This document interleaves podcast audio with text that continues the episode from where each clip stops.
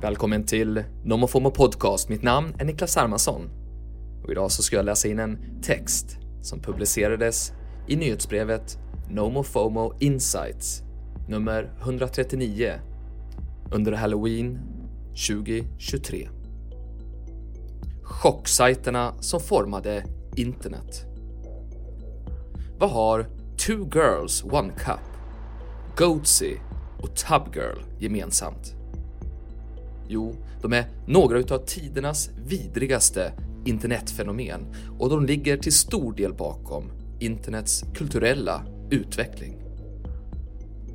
Men innan World Wide Web sjösattes, ja då gick vi till biograferna för att vältra oss i det förbjudna. 1980 släpptes Cannibal Holocaust, som än idag anses vara en av tidernas mest obskyra skräckfilmer. Den handlar om fyra amerikanska dokumentärfilmare som försvinner spårlöst när de åker till Amazonas för att träffa kannibaler. Men deras bandade material hittas och vad det visar får flera länder att förbjuda filmen. Regissören Ruggero Deodato han åtalas till och med för mord eftersom tittarna tror att bilderna är verkliga. Men det var inga människor som dog under den här inspelningen. Bara djur. Det finns otaliga lågbudgetfilmer som har lyckats dra miljonpublik tack vare chockerande innehåll. Porrfilmen Deep Throat, ja, den kostade bara ett par hundratusen kronor att producera 1972, men den drog in flera hundratals miljoner. Att Gerard Damianos livsverk drogs inför rätta för sina obscena och på den tiden unika scener, ja, det dämpade inte direkt intresset. Tvärtom. Vi älskar skandaler och därför köade biobesökarna för att få kräkas och svimma av Exorcisten två år senare. Och därför betalar somliga tusentals kronor för att komma över en VHS-version av Guinea Pig 2 Flowers of Flesh and Blood där en man i samurajdräkt styckar en drogad kvinna. Att skådespelaren Charlie Sheen anmälde den japanska tortyrfilmen till FBI eftersom han trodde att det var en så kallad snuff-movie, ja, det har ju knappast minskat dess kultstatus. Att komma undan med tortyr, mord och tabusex det är inte så enkelt i filmens värld där det är i princip omöjligt att vara anonym. Annat är det på internet.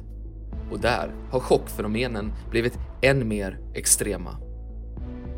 1997 började mappen gap.zip spridas eftersom den innehöll en bild som inte gick att radera från minnet när man väl hade sett den. Två år senare sjösattes Goatsy.cx vilket blev en milstolpe i chocksajternas historia.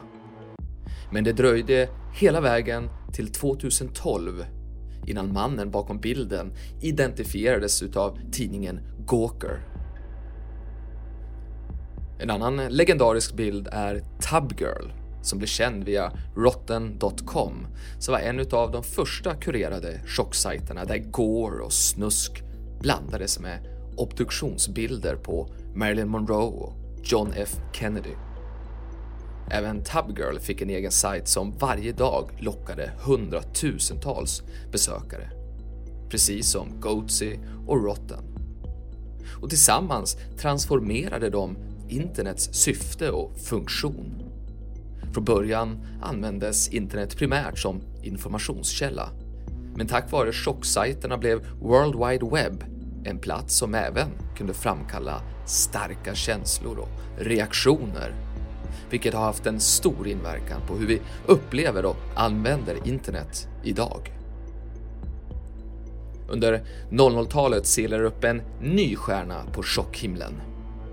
I klippet Two Girls, One Cup, som först släpptes som en trailer till den brasilianska filmen Hungry Bitches.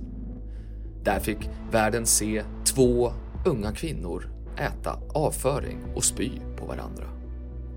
Videon blev snabbt viral och gav oss reaktionsvideofenomenet på Youtube där tittarna filmade sig själva när de tittade på klippet.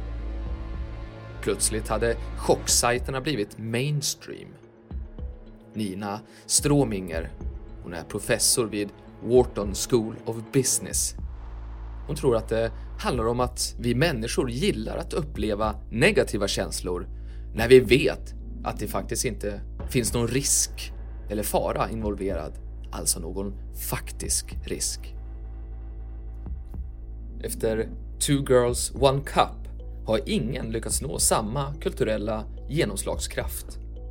Men chockgenren har absolut inte försvunnit. Den har snarare utvecklats och integrerats i den bredare internetkulturen. Och finns inte längre bara på några specifika sajter. Nu finns chockinnehållet överallt. Till exempel, tre av världens 15 största webbsidor är porrsajter. Anonyma men enorma forum som Flashback, 4chan och 8chan de har specialiserat sig på provocerande innehåll. Och massskjutningen i Christchurch på Nya Zeeland, den gick att följa i realtid på Twitter. På Instagramkontot Crime Scene Cleaners får du hänga med till mordplatser och på sajten World Star Hip Hop, ja, där får du inte bara läsa om musik.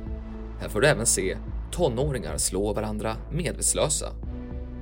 Och Youtube då? Ja, de har ju strängare regler än exempelvis Reddit och Twitter eller X.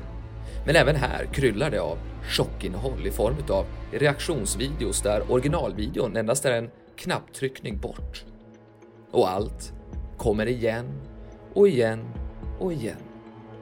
I den nya världen har nämligen alla fenomen sju liv. Tack vare TikTok har Tubgirl återigen blivit kulturellt relevant efter att ha visats miljontals gånger de senaste åren i så kallade Don't Google TikToks. Och så här kommer det att fortsätta.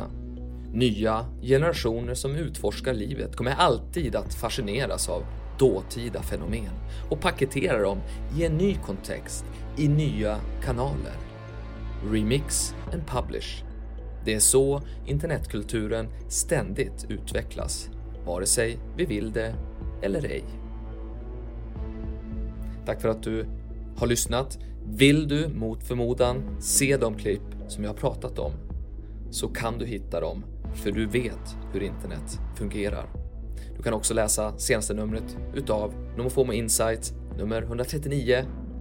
Där hittar du det du inte vill ha. Vi hörs.